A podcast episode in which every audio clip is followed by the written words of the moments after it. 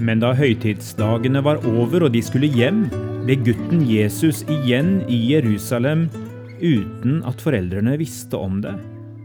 Lukas 2, 43. Elisabeth så seg rundt.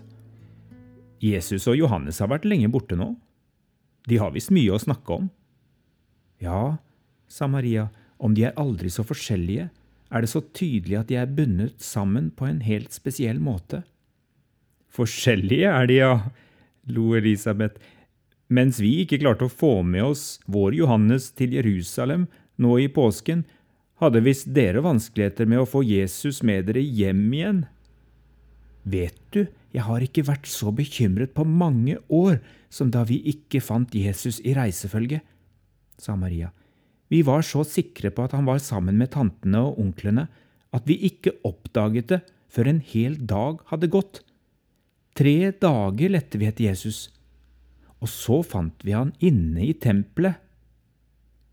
Johannes som unngår tempelet så godt han kan, mens Jesus ikke kan få nok av det, sa Elisabeth, men veslevoksne og selvstendige er de begge to. Jeg var redd jeg hadde mistet Jesus, sa Maria. Takk og lov at han var i trygge hender blant de skriftlærde. Men dette ble også en påminnelse for Josef og meg om at vi bare har Jesus til låns. Alle foreldre har barna sine til låns, sa Elisabeth. Det er sant, sa Maria. Med Jesus er det likevel annerledes. Visste dere ikke at jeg må være i min fars hus? sa Jesus da vi fant ham. Elisabeth nikket langsomt. Jeg har sjelden hørt noen kalle Gud for far, men dette er en ny tid.